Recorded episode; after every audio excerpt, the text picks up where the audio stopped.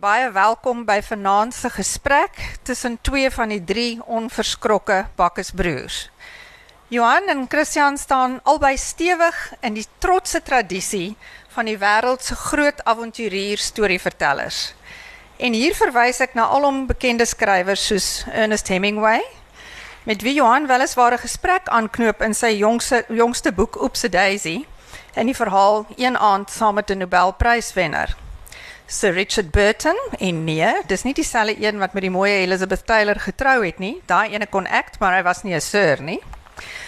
Joseph Conrad, nader aan die huis, A.A. Pinaar oftewel Sangiru en die kombinasie van avonturier wees en stories skryf is nie uitsluitlik die domein van die mansmense nie. Die groot vroue avonturierskrywer Karen Blixen met haar plaas aan die voet van die Ngongberge. Soos al hierdie ander groot geeste, bring Johan en Christian vir ons die stories van ver en naby en veral van plekke waar meeste van ons nooit sal kom nie. As Ernest Hemingway vir Johan groet, sê hy: "You know, I blew my brains out because everybody knew I was a bastard, a bullshitter and a bastard. But I gave them stories." Gelukkig is net die laaste deel van toepassing op Johan en Christian. En daarom vertrou ek dat julle nog vir baie jare vir ons stories gaan gee. Ek kan my nie die lewe en die Afrikaanse verhale skat daaronder daarsonder voorstel nie. In Christian se pasgebore boek Stoffel op Safari skryf hy in die stuk getiteld Grense. Daar's vir my iets geheimsinnigs daaraan om op 'n grens te staan en oor te kyk na die ander kant. Dis aanloklik, 'n blik op die onbekende. Johan en Christian Ek wil Opperman se woorde in 9 ster en stedelig 'n bietjie verander en vir julle sê nie net aan julle dade nie, maar aan julle stories grens 'n ewigheid. Mag julle stories geen einde ken nie. Tell us the stories of Stone Town and all your other destinations en moet asseblief nie julle lewenstyl verander nie.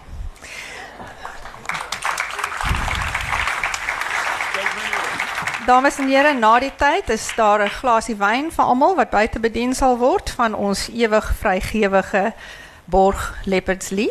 Geniet asseblief die aand aan saam met ons. Ek dink daar sal na die tyd geleentheid wees vir vrae en er is 'n mikrofoon wat ons net asseblief wie ook al die vraag wil vra net sy hand moet opsteek dat ons net vinnig die mikrofoon by die persoon kan uitbring sodat almal kan hoor wat die vraag is. Baie dankie. Ek stel die twee menere aan die woord. Kan julle my hoor? Kan julle my sien? Ek kan julle nie sien nie. Ek ek voel soos 'n springhaas. Kan iemand net hierdie ligte bietjie sagter sit dan wragtig waar ek kan niks sien hier aan die ander kant nie. Baie dankie. Kan julle my nog steeds sien? Dis eintlik nie baie belangrik om my te sien nie. Christian, hou net gou my vas. Het ons voorberei vir hierdie oefening? OK, hou net vas. Ons wou, maar toe fight ons. Maar ek dog jy het nie voorberei nie. Ek het 'n hele klomp. Eloise, wat jy gesê het jy ons voorgestel het? Om onverskrokke want dit was skrikwekkend. Ek lees in die program die formidable Bakkes broers. Ek weet wragtig nie waar NB Uitgewers aan die formidable vandaan kom nie. Verskeie woordeboeke verklaar die woord as volg: Wat vrees in boesem. Vreeslik groot. Verskriklik. En nou 'n bietjie stukkie Engels vir die mense wat uh, nie kan lees nie. Inspiring fear through being impressively large. Inspiring dread or alarm.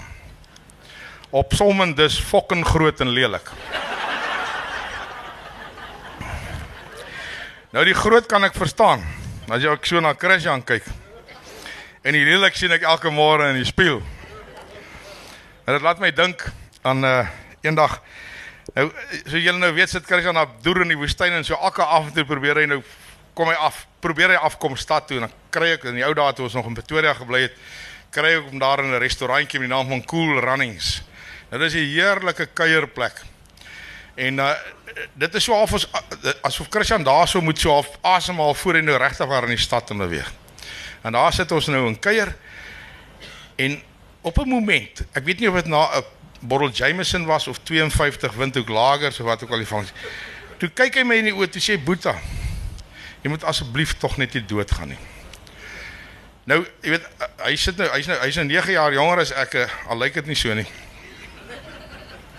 En dit is nou waar kan jy nou 'n groter liefdes groter liefdesverklaring kry van 'n jonger boet Boeta moet asseblief tog net nie doodgaan nie.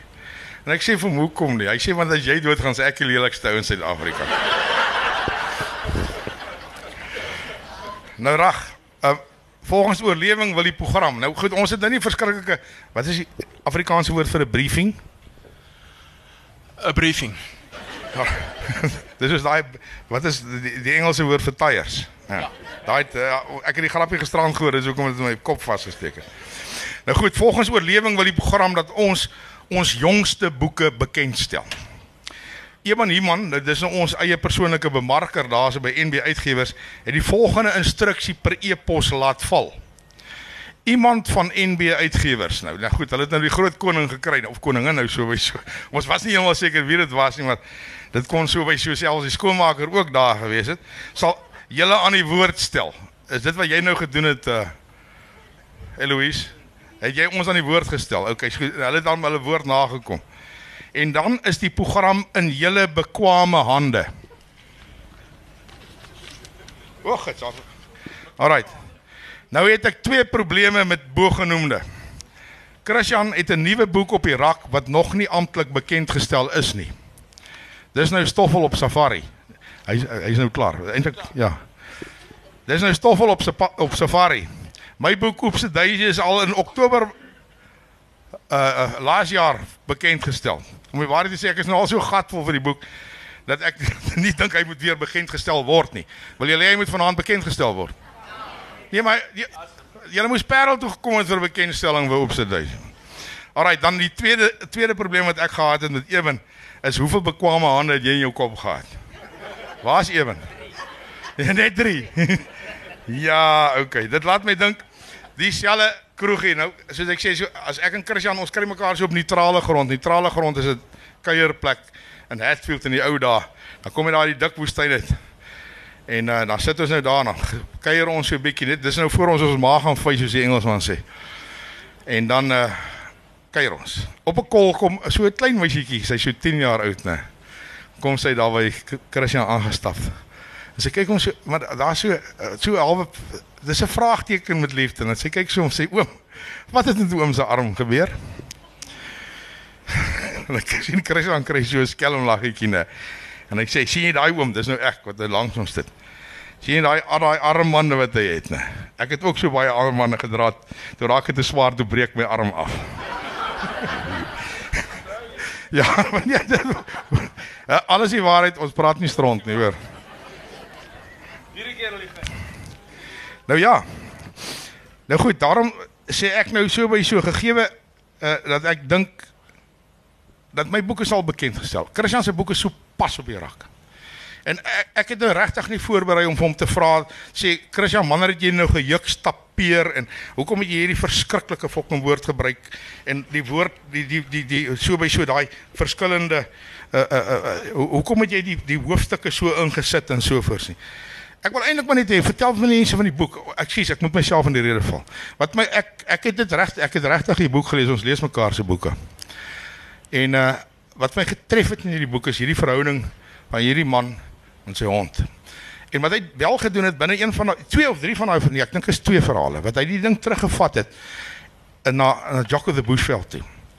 En wat vir my ongelooflik was in die vorm van ek het Jock of the Bushveld as kind gelees, né? Nou uh, jy lees hom miskien as 'n kind en jy sien hom in hierdie konteks van die hondjiekie wat nou saam met hierdie ou in die veld is, maar jy jy lees nie jy sien nie die groter gedeelte nie.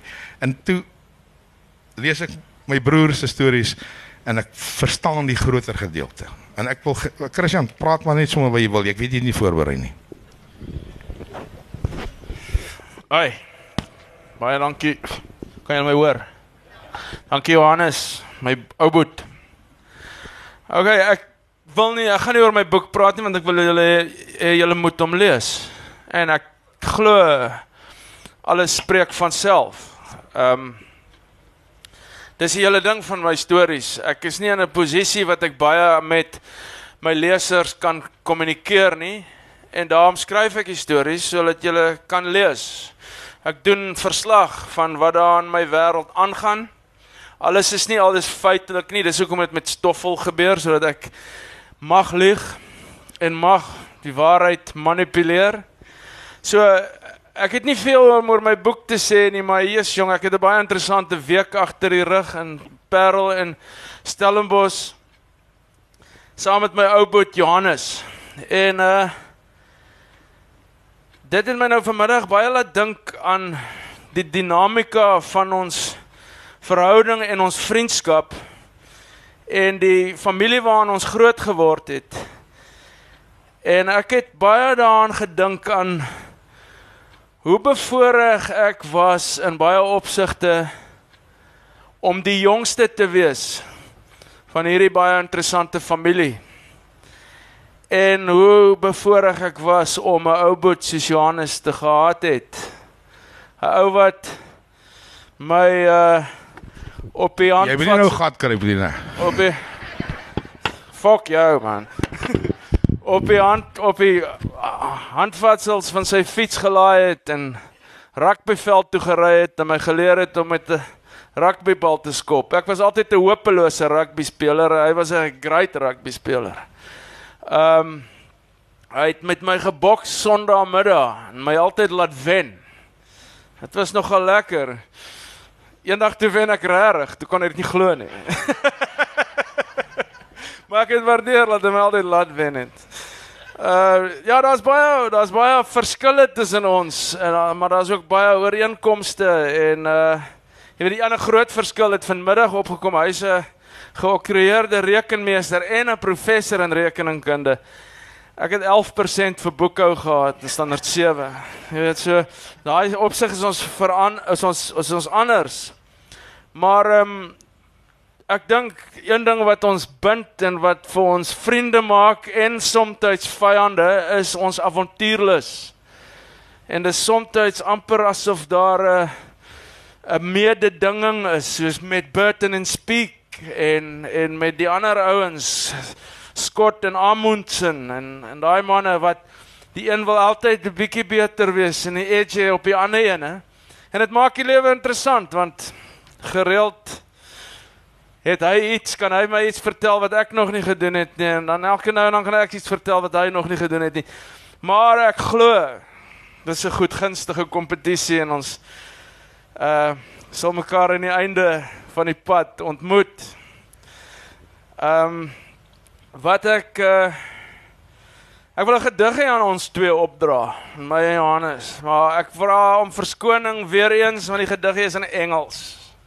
Die ding is die ding is uh ek en jou vriendin Ronelda en ander aan daaroor gepraat. Ongelukkig, hoewel ons lief is vir die digkuns, is ons gunsteling digters Britte of Engelssprekendes. En uh hierdie enetjie voel ek um som vir my en my boetie op op op el, elk op sy manier, maar ek dink dit dit som julle ding op. Dis 'n gedig van die naam van die man met naam Robert Service. Hy was 'n Engelsman wat um 'n baie interessante lewe gelei het. Uh, hy was 'n uh, hy was op die Klondike goudstormloop en daar het hy verlief geraak op die Yukon en hy het die pragtigste wildernisgedigte geskryf en toe die Eerste Wêreldoorlog uitbreek, toe sy 'n ambulansdrywer op die westelike front en toe skryf hy weer die mooiste ehm um, loopgraafgedigte wat kan skers vashou by Siegfried Sassoon en Rupert Brooke en daai manne Wilfred Owen. En toe uh, toe gaan vestig hy 'n vreedsame lewe in die suide van Frankryk en toe breek die Tweede Wêreldoorlog uit. Toe was hy word hy lid van die Franse weerstand. So hy het 'n geweldig interessante lewe gelei. Maar een van sy tref, treffendste gedigte gaan so: There's a race of men that don't fit in. A race that can't stay still. So they break the hearts of kith and kin and they roam the world at will. They range the field, they rove the flood, they climb the mountain's crest. Theirs is the curse of the gypsy blood, and they don't know how to rest. If they just gone straight, they might go far. They are strong and brave and true, but they're always tired of the things that are, and they want the strange and the new. If only I could find my proper groove, what a deep mark I could make. So they chop and change, and each fresh move is only a fresh mistake. And each forgets as he strips and runs with a brilliant, fitful pace that it's the steady, quiet, plodding ones that wins the lifelong race. And each forget that their youth has fled, forget that their prime is past, until they stand with a hope that's dead in the glare of the truth at last. He has failed, he has failed, he has missed his chance, he has just done things by half. Life's been a jolly good joke on him, and now is the time to laugh. Ha ha! He's the one of the legion lost. He was never meant to win. He's a rolling stone and it's bred to the bone. He's the man that won't fit in. Jou beurt Johan.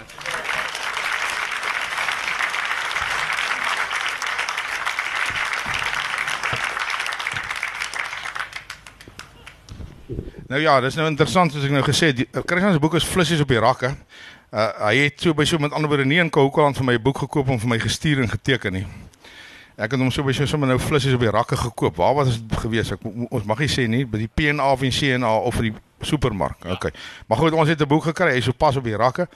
So ek kon nie regtig vir hom enige terugvoer gee oor oor uh wat ek gelees het nie. En toe het ek daarom so 'n tydjie gehad tussen ons kuier deur en toe lees ek en ek wil baie graag 'n storie vir julle voorlees.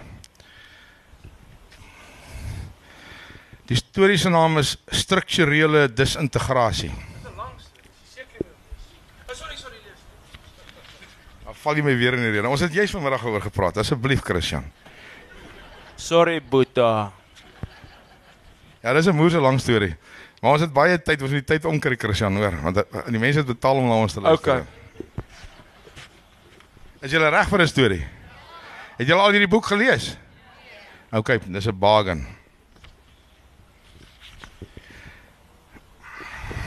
Dis weer een van daardie rare dae aan die Atlantiese Oseaan. Die son skitter op 'n plat see. Die turkooisblou water herinner meer aan die tropiese Indiese Oseaan aan die ander kant van die kontinent. By die mou op die strand lê rye meisies op hulle handdoeke. Hulle lywe blink van sonbrandolie. Die palmblare wieg in die ligte suidwesterbries. Ek en Johnny Bravo sit op die ou dek van die Lighthouse met 'n glas koue vat bier in die hand. Ons tweede. En bekyk on, on, bekyk ons die toneel. Dis 11:00 in die oggend. Die bier het ons lui gemaak. Ons staar na 'n groep meisies wat die soutwater kom afspoel by die buitestort onder die dek. Ons slimlag vir mekaar. Dinge raak nie beter as dit nie. Ons het uit die veld uit op verlof. Dis 1 April. Ons Paasnaweek het sopas begin. Die dag is klaar beplan. Nou nou kom Nina by ons aansluit. Sy is in die dorp besig met inkopies. Nadat ons haar by die woonstel afgelaai het, gaan ons kreefbraai saam met Erik en Benny. Toe kom die oproep. Erik bel vir Johnny. Skielik verander alles. Johnny bel vir Nina om ons by die Land Rover te ontmoet. Nou hardloop ons. Ons kom saam met Nina by die parkeerarea area aan. Ons spring in en jaag om haar by die woonstel af te laai.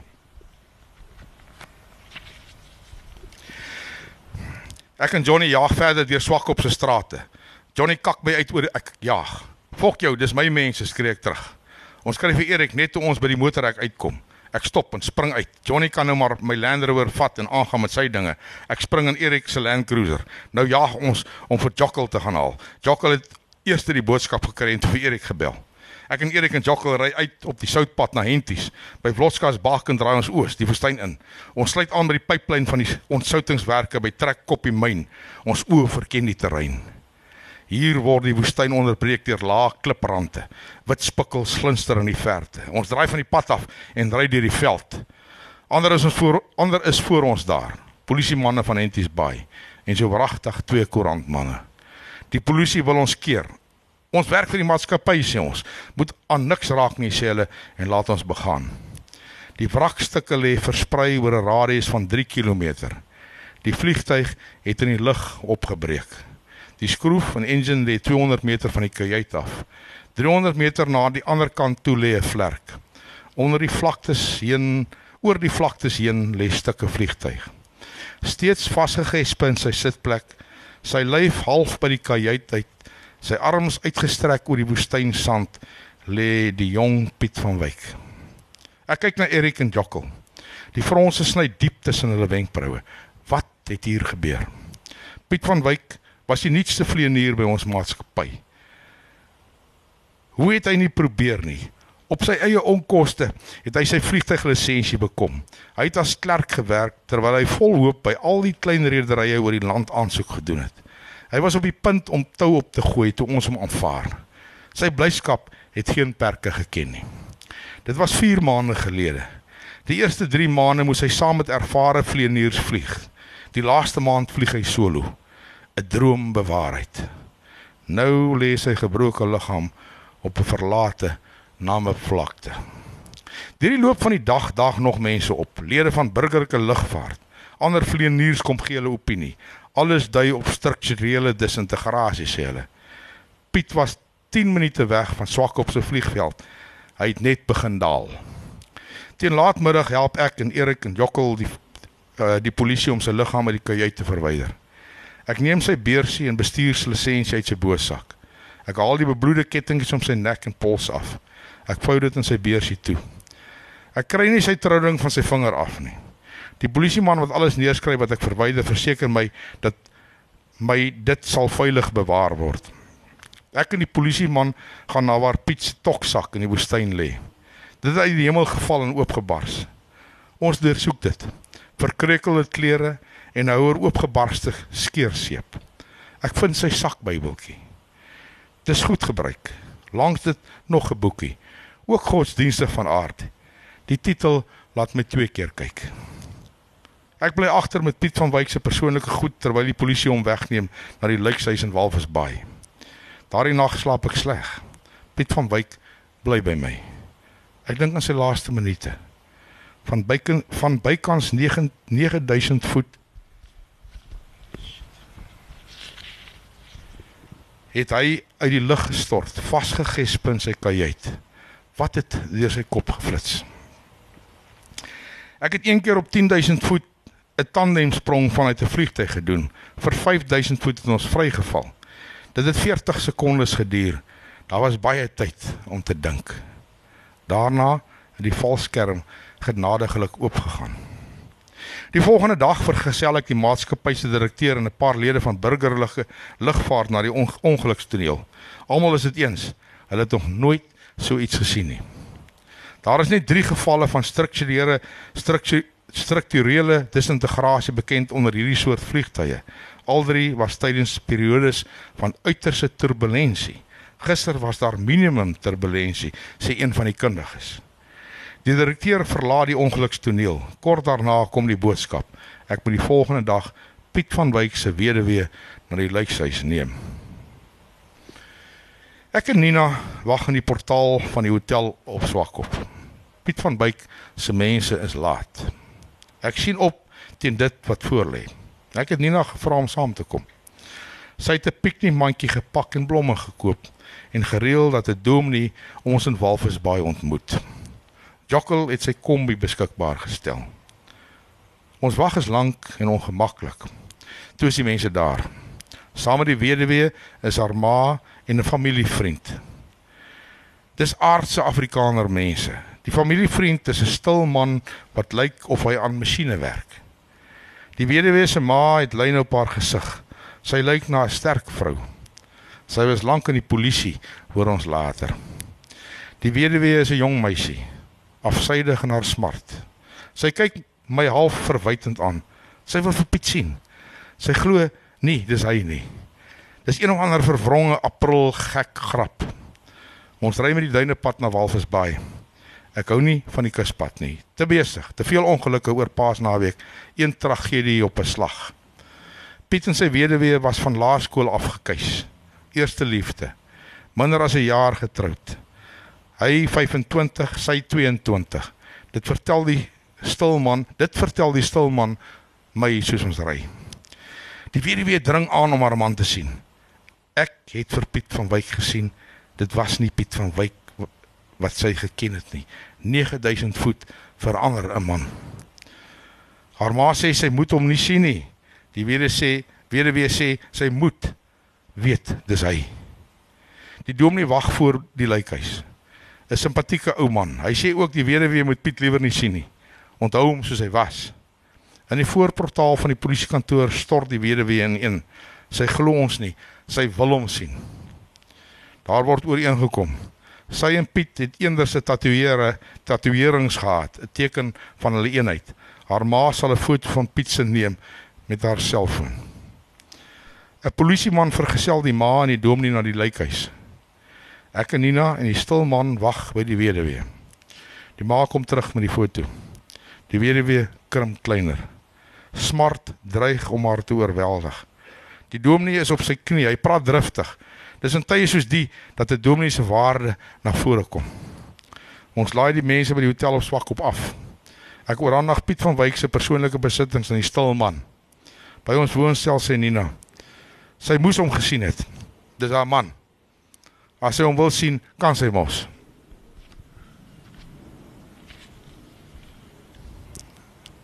Ek weet nie wat die ergste ding is nie. Al wat ons in so 'n geval kan doen is om daar te wees. Vroeg die volgende môre bel die stilman. Die weduwee wil die ongelukstoneel sien. Ek neem hulle soontoe. Langs die kajuit by die bloedbevlekte sitplek waar Piet van Wyk met uitgestrekte arms in die sand gelê het, sit die weduwee bitterlik en huil. Ek stap weg in die woestyn. Later kom die maan nader. Ons kan nou maar gaan. Terug by die hotel neem ons afskeid. Sê totsiens vir die oom. Sê die stilman vir die weduwee. Sy dra die kettingkies wat ek van Piet afgehaal het. Is ek 'n oom? Wil ek vra. Dis nie 'n dogtertjie wat hier voor my staan nie. Dis 'n weduwee. In die volgende dae help ek met die ondersoek. Die ongeluk bly 'n raaisel. Op 'n stadium loop ek loop ek en 'n kollega vir 15 km op die vlugpad deur die woestyn. Ons vlugplan deur die woestyn. Ons hoop om die oorblyfsels van 'n groot voël te vind, 'n pelikaan of 'n swart aasvoël wat dalk die vliegte getref het. Ons hoop op enigiets wat lig op die tragedie kan werp. Ons vind niks. Die oorsaak van die ongeluk bly 'n raaisel. Dan begin die spekulasie. Dalk was die vlieënier self die oorsaak. Dalk het hy 'n toertjie in die lug uitgevoer wat skeef geloop het. Dalk het 'n ongeoorloofde ruim tuimeldrol die vliegtuig laat opbreek. Ek is nie oortuig nie. Hier kom 'n man ingevlieg op sy laaste vlug voor Paasnaweek. Hy het onlangs die werk gekry waarvoor hy sy lewe lank al gedroom het. Sy jong vrou wag by die huis vir hom. Hoekom sal hy dit nou alles weggooi? Ek dink baie aan Piet van Wyk. Ek het nie 'n antwoord nie. Soms dink ek aan die inhoud van sy oopgebarse toksak. Daar was 'n boekie langs sy sakbybeltjie. Die titel is 'n vraag. Wat gebeur 5 minute voor en na jy sterf?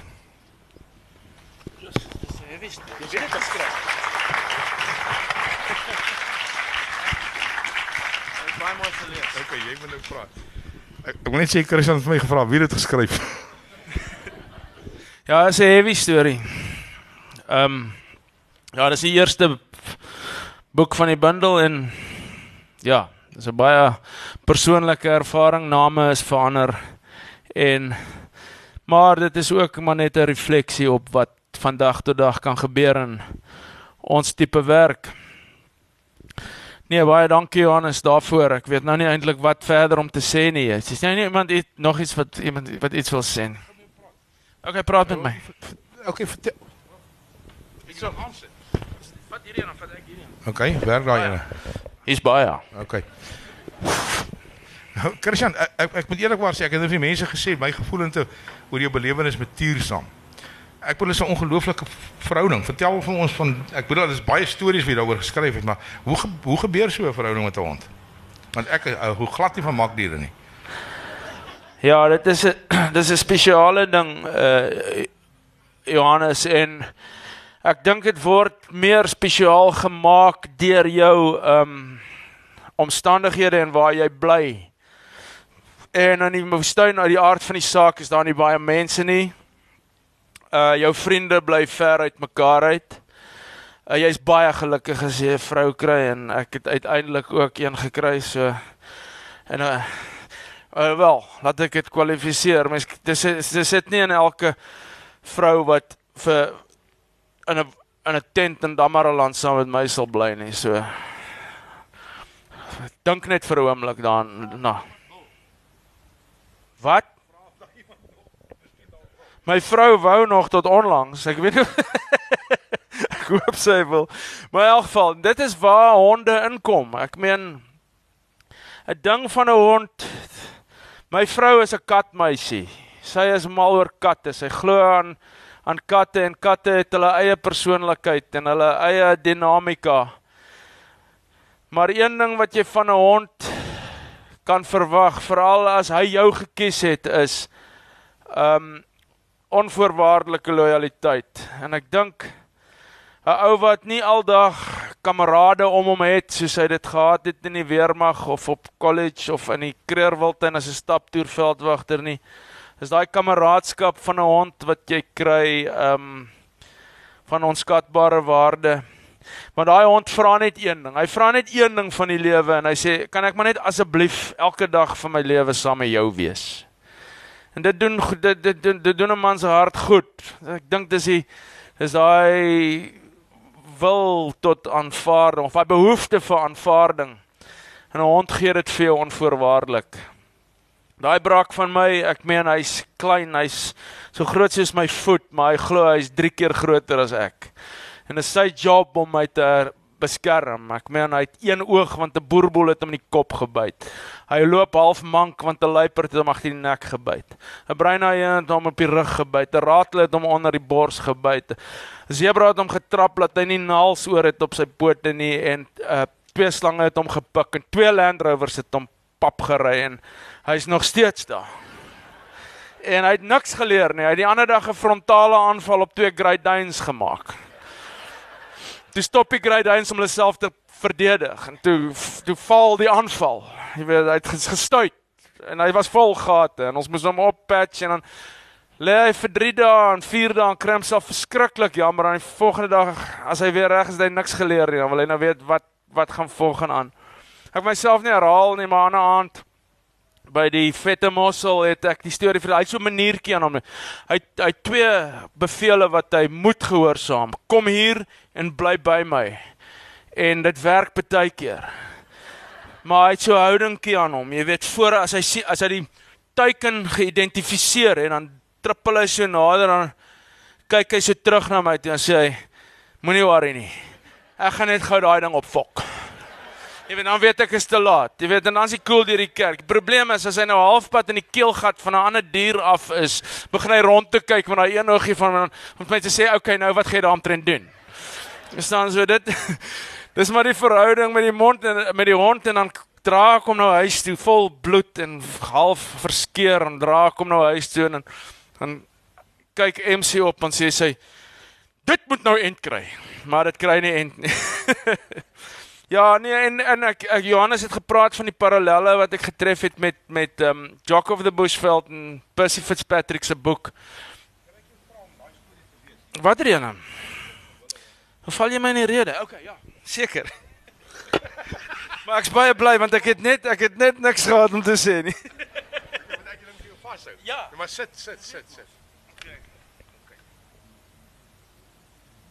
Selfs in die woestyn begin ou nie meer kan sien nie. Ja nee, dis maar so. Hierdie boek storie se naam is Wille Honde en ek hy's hy's kort. Dis nie so lank soos die vorige een nie. Okay. Jock of the Bushveld deur Percy Fitzpatrick is 'n Suid-Afrikaanse legende. Die boek het 'n instelling geword. Dis al verfilm. Dis omskep in kinderboeke. Onlangs het daar selfs 'n Jock musiekblyspel verskyn. In die Kreerwiltuin kan jy op die ou Delagoa transportpad ry wat deel uitmaak van die roete waarop Jock en sy baas getrek het. Daar is vele verwysings na Jock op die roete. Daar is selfs 'n Jock of the Bushveld ruskamp. Oral in Mpumalanga is gedenktekens opgerig op plekke waar Jock was of nie was nie. Dit het 'n belangrike tema in die toerismebedryf geword. Dis die probleem met Jock of the Bushveld. Dit het 'n klisjé geword. Die legende is besig om die verhaal te begrawe. Nie een van die flieks is 'n korrekte weergawe van die boek nie. Ek het ander dag weer die boek van my rak afgehaal en begin lees. Dis 'n fantastiese verhaal. Skoon my. Ek het Jock en Sonder 7 as 'n voorgeskrewe boek gehad. Dis beslis een van die belangrikste boeke wat my geïnspireer het om 'n lewe in die wildernis te kies. Dis egter veel meer as 'n jeugverhaal. Wanneer mens die boek jare later as 'n volwassene lees, kry dit 'n nuwe betekenis. Dit bevat soveel raakbeskrywings en juiste waarnemings van die natuur. Dis ook 'n boek vol wysheid. Vir iemand wat al dekades in die wildernis bly, som min boeke die emosies van mense op verlate plekke so goed op. Vir iemand wat saam met 'n hond in die veld bly, beskryf min boeke die verhouding tussen mens en dier so lewensgetrou. Alles wat ek en Tier, Tier is my hond, is Jack Russell.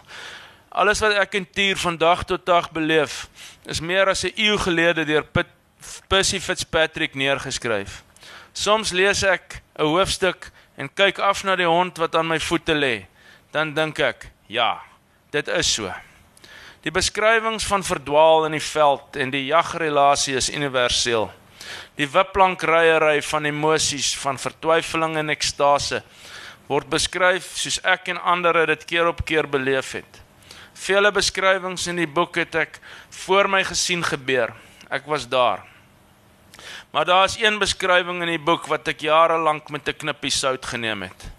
As seun was dit die enigste deel van die boek wat vir my vergesog was. Fitzpatrick skryf: Eendag span die transportryers uit in die wildernis. Hulle sit om die kampvuur. Vanuit die duisternis hoor hulle die onheilspellende geroep van jagtende wilde honde. Dit weer klink om die staanplek. Die wilde honde is rondom hulle. Die manne ryk na hulle gewere. Met een storme rooibok ooi die vuurkring binne. Haar oë is wild. Sy hyg oopbek, vreesbevange. Sy val voor die manne neer. 'n Swart man lig sy assegaai om haar te deurboor. Die sagmoedige Teddy kap sy assegaai weg. Hy hurk beskermend oor die rooibok. Die wilde honde storm die ligkring binne. Hulle is bloedmal, skynbaar onbewus van die manne om die vuur. Met assegaai en sarsies geweervuur word die voorste wilde honde afgemaai. Daar is meer as 20 van hulle. Jock spring vorentoe en gryp 'n gewonde wilde hond. Dan kan ek ook rus. Nou takel 'n ander wilde hond hom. Jock gryp hom aan die keel. Die manne kry kans om al twee wilde honde te skiet. Intussen sit die rooibok ooi vreesbevange tussen Teddy se bene. Na die wilde honde weg is, bly sy 'n halfuur langs die vuur. Sy drink water uit die bak wat Teddy voor haar neersit. Toe sy seker is die gevaar is verby, trippel sy uit die ligkring weg. Sy kyk een keer terug asof om dankie te sê. Dis die deel van die boek wat ek nie geglo het nie. Ek het altyd oor die waarskynlikheid daarvan gewonder tot op 'n dag. Om vandag 'n wilde hond in die veld te sien is 'n rare belewenis. Dis een van die mees bedreigde groot soogdiere. Veeboere het hulle in die grootste deel van Afrika kontinent uitgewis. In die Kaprivi was ek gelukkig om hulle in die Omarambas te sien. Eendag het ek toegekyk hoe 'n trop binne sekondes 'n gruisduiker verslind. Dit was merkwaardig om te sien hoe min vrees hulle vir my gehad het. In die Kreerwildtuin is daar ook nog wilde honde. In 1993, toe ek staptoerveldwagter daar was, was ons eendag naby die Napiespruit. Dis 'n pragtige deel van die Laagveld. Dit lê tussen die ronde granietkoppe van Pretoria se kop area, van die Pretoria se kop area in die omgewing van die ou transportpad. Dis hier waar die dapper hond Jock geswerf het. Saam met my op die staptoer is 8 mans uit Johannesburg. Dis die eerste oggend. Ons het begin deur die spoor van 'n wit renoster koei en haar kalf te volg. Ons het hulle opgespoor en 'n goeie blik op hulle gekry. Nou staan ons en rus onder 'n heilboerboom langs 'n droë loop aan die spruit. Ek en die manne staan in 'n half sirkel en gesels. Op die oewer van die spruit sit twee van die groep op 'n droë stomp. Hulle rug is na ons gedraai en hulle kyk uit oor die loop. Skielik vanuit die ruigtes aan die oorkantste oewer kom 'n steenbok ram gehardloop. Hy spring teen die wal af en kom in die sandloop te lande. Hy hardloop deur die loop reguit op ons af. Hy wip teen die diskanste oewer uit. Sonder om te huiwer, spring hy oor die droë stomp tussen die twee verstarde mans deur. Hy trippel tot in die halfsirkel wat ons vorm. Daar gaan hy staan. Sy oë is wyd en wild. Hy hyg oop bek. My hand skiet op om vir die manne te wys om stil te staan. Die steenbok staan tussen ons. Hy is 'n meter weg van my. Ek sien hoe sy donker oë traan. Sy tongetjie skiet in en uit soos hy hyg. Ons almal staan versteen. Toe kom die wilde honde. Ek sien hulle deur die ruigtes aan die oorkantste oewer. Kop omlaag, ore vorentoe. Met lang hale hardloop hulle verby. Ek tel 3, 4, 5 van hulle. Sonder om sy langs te kyk, beweeg hulle aan. So vinnig soos hulle gekom het, word hulle deur die bosse ingesluk. Toe weet ek, Percy Fitzpatrick was reg. Sy waarnemings was eerlik en korrek. Sy boek is in meer as een opsig 'n meesterstuk. Wilde honde is meesterjagters. Hulle is die roofdier met die hoogste vangsukses. Hulle vreet hulle prooi lewend op. Klaarblyklik vervul hulle die wildsbokke met soveel vrees dat hulle bereid is om tydelik tot die beskerm om hulle tydelik tot die beskerming van daardie ander meesterjagter te wend, die mens. Minute nadat die wilde honde verby is, trippel die steenbok rang uit die halfsirkel mans. Hy verdwyn in die teenoorgestelde rigting. Hy kyk nie om nie. Baie mooi.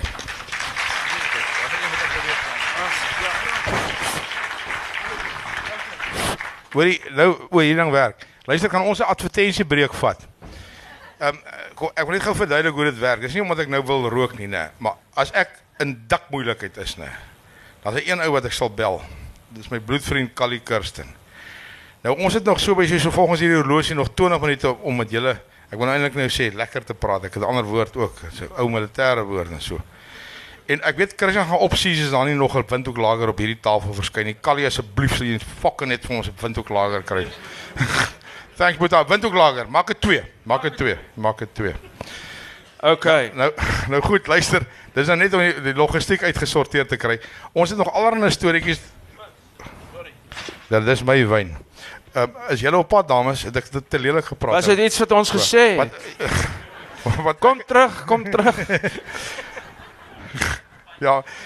Jy weet ek bedoel dis dit gaan nou juist oor jy's ewen. Wat moet ons nou doen? O, o, okay. O, o, ons het net 5 minute. Moet ons 10 voor klaar wees. Ek het nie gesien wat sê nie nou. Christian. Ja, wragtig, ons het net 7 minute. Alraai. Wat ek eintlik net wil sê, kan ek wil jy iets gesê? Ja, ek wil die Willeboer grap vertel. Het jy dit al gehoor? Nee. Nee. Okay. Kan nou vat jy my persoonlikheid weg. Harry Simon, liggewig bokskampioen van Namibië. Enigste Namibier wat ooit te wêreld beker ehm um, 'n wêreld bokskampioen was. Uh maar toe gaan hy roem na sy kop toe. Begin te drink. Dagga dwelms, hele ou storie. Begin sy fights te verloor. En nou is hy in die moeilikheid. Nou moet hy skermmaats kry. Maar nou maak hy skermmaats hom seer want hy's nie fiks nie, so hy slaan hom onder die beld. En nou wil hy nie geen skermmaat meer iets met hom te doen hê nie. En dit is 'n probleem want hy het 'n wêreld titel om te verdedig en sy ehm um, sy uh sy coach is wat's coach? Afrigter, skus. Ja. Verskriklik. Sy afrigter is bekommerd en ongelukkig en sy afrigter begin rondbel. Ja, maar dan gaan jy langs. Dankie. En uh, sy afrigter begin bietjie rondbel en hy kry kom nie eintlik reg nie en uh maar toe uiteindelik kom hy na Harry toe sê Harry ek het iemand wat bereid sal wees om jou skermmaat te wees. Ons probleem is dalk opgelos en Harry sê nee maar dis reg so en hy sê maar daar's net een probleem. Jy moet uh homself gaan sien en hom vra om uh, of hy met jou sal skerm, maar die kans is goed dat hy sal ja sê. Hy sê dis reg, waar bly hierdie persoon? Hy sê hy bly in Kamanjap. Nou die van julle wat nog nie in Namibië was nie, Kamanjap is 'n is 'n dorpie op die rand van die Kaapveld.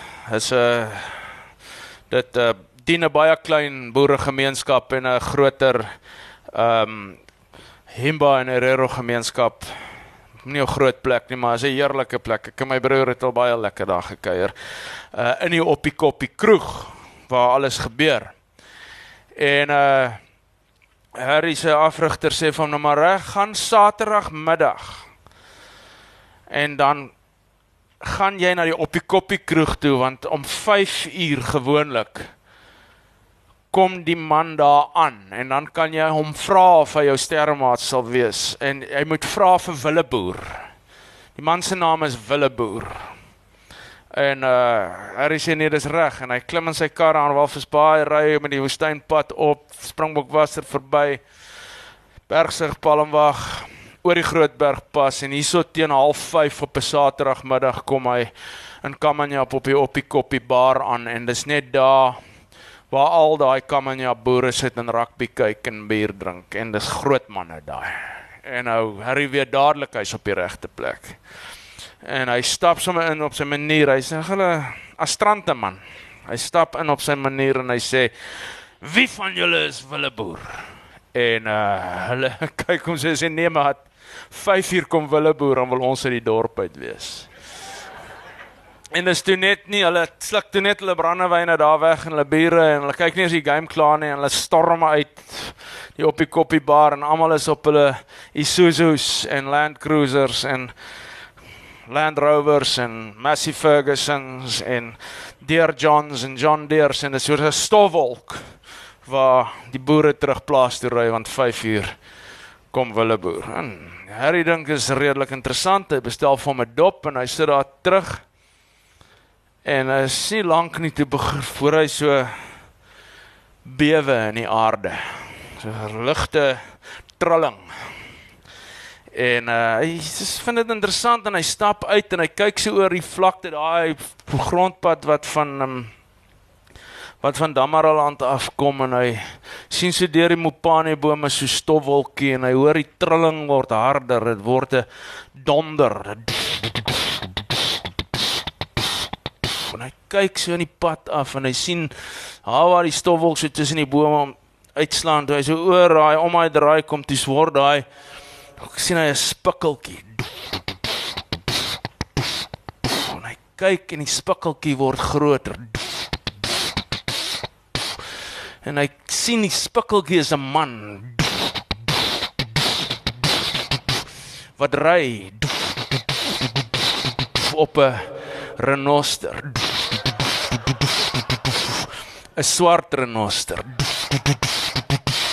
Hy die renoster aan die horingbeet ry hierdie man. Op pad kom aan ja in sy linkerhand het hy 'n pofadder hy gebruik die pofadder as 'n karwats. Kom hierdie man ingery dorp toe. Hy vat die pad daar verby die Impala slaghuis in 'n stofwolk en hy trek daar by die parkade van die Oppie Koppie bar aan. En hy trek hy renoster so aan die horing en hy renoster se agterpote gly so onder hom uit en in 'n stofwolk kom hy tot stilstand en hy klim van die renoster af. En hy kyk die renoster in die oë en hy sê vir hom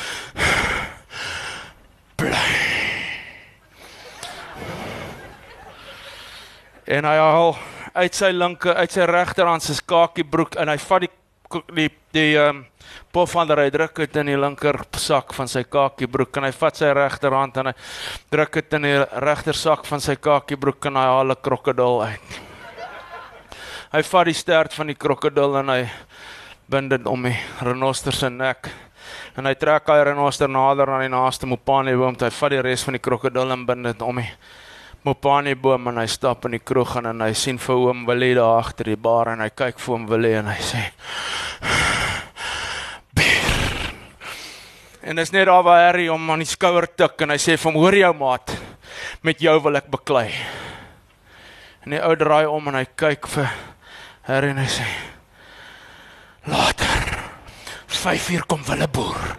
Dan wil ek uit die dorp uit wees."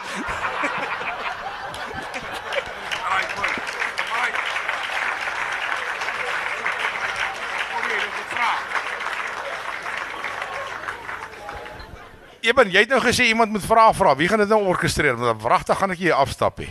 Ons het nie baie tyd nie en ek sien Johan wil vreeslik graag gaan rook. Ek wil kom gaan ons rook. ja. so Maar ek, ek vrae ding opsteek. Wie wie het kaklonge Ons het 'n hierso? vraag hierso. Niemand het nie. Daarso. Alright. Ja, vra. Ja. Christian, kan jy my hoor? Ja, waar is jy? Hier, ja, jy kyk na my. Okay. 43 minute gelede het ek hom vir die eerste keer gesien in 43 jaar, my kleinneef. En jou ma stuur baie liefde groete vir jou en vir Johannes. Het gesê ek moet vir julle 'n drukkie gee, maar dis nou te ver. Baie dankie. Ek het nou lekker met dag gesels Dinsdag die volgende vraag. Wil jy vir die mense sê wat se inspirasie jou ou boet Johannes vir jou beteken het en as daar tyd is wil ek nog graag daai krokodil storie hoor in daai arm. Nee, ek gaan nie daai storie vertel nie. Jy kan die boek gaan lees. Kyk, ek het nie 'n probleem om my storie te vertel nie. Uh maar ek is net so gatvol om dit te vertel.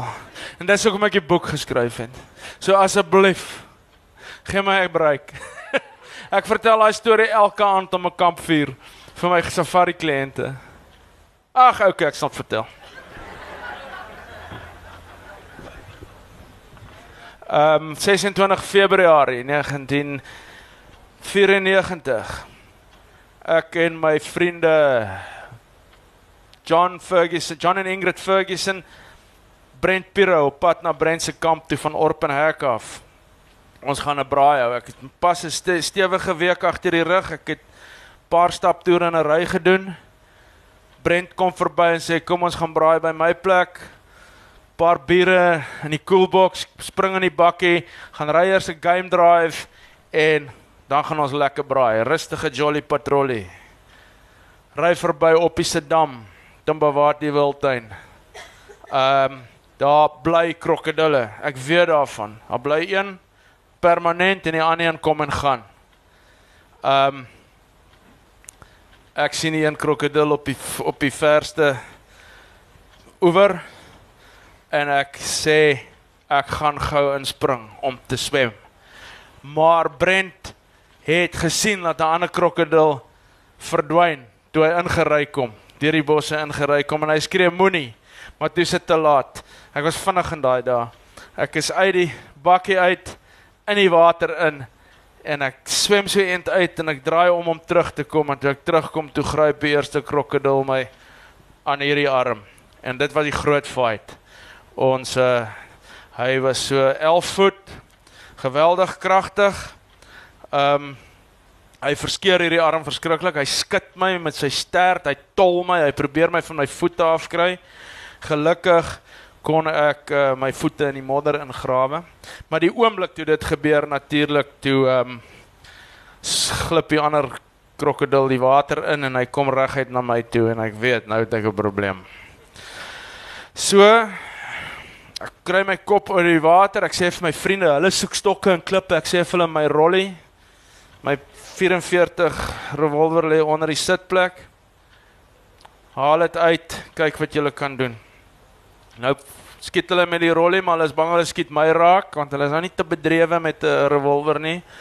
En hulle skiet in die water om my en dit het dadelik 'n effek. Die oombliklik kan ek voel die die krokodil is nie meer so seker van homself nie.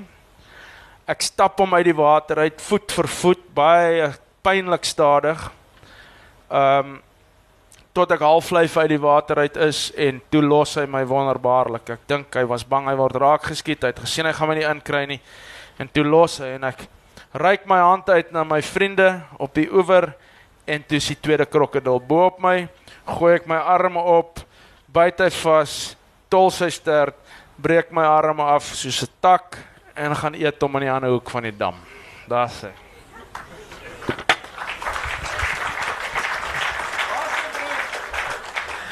Dames en here, ons ons tyd is verstreke. Johan en Chris sal graag buite saam met u kuier. Stoffel op Safari is daar buite te koop by die boeke tent, so ook op se Daisy en van Johan se ander boeke. Is baie welkom om saam met hulle te kuier. Geniet gerus 'n glasie Leopard Sleep saam met hulle buite en ek dink ons moet dit maar buite doen want Johan is reeds buite besig om te rook.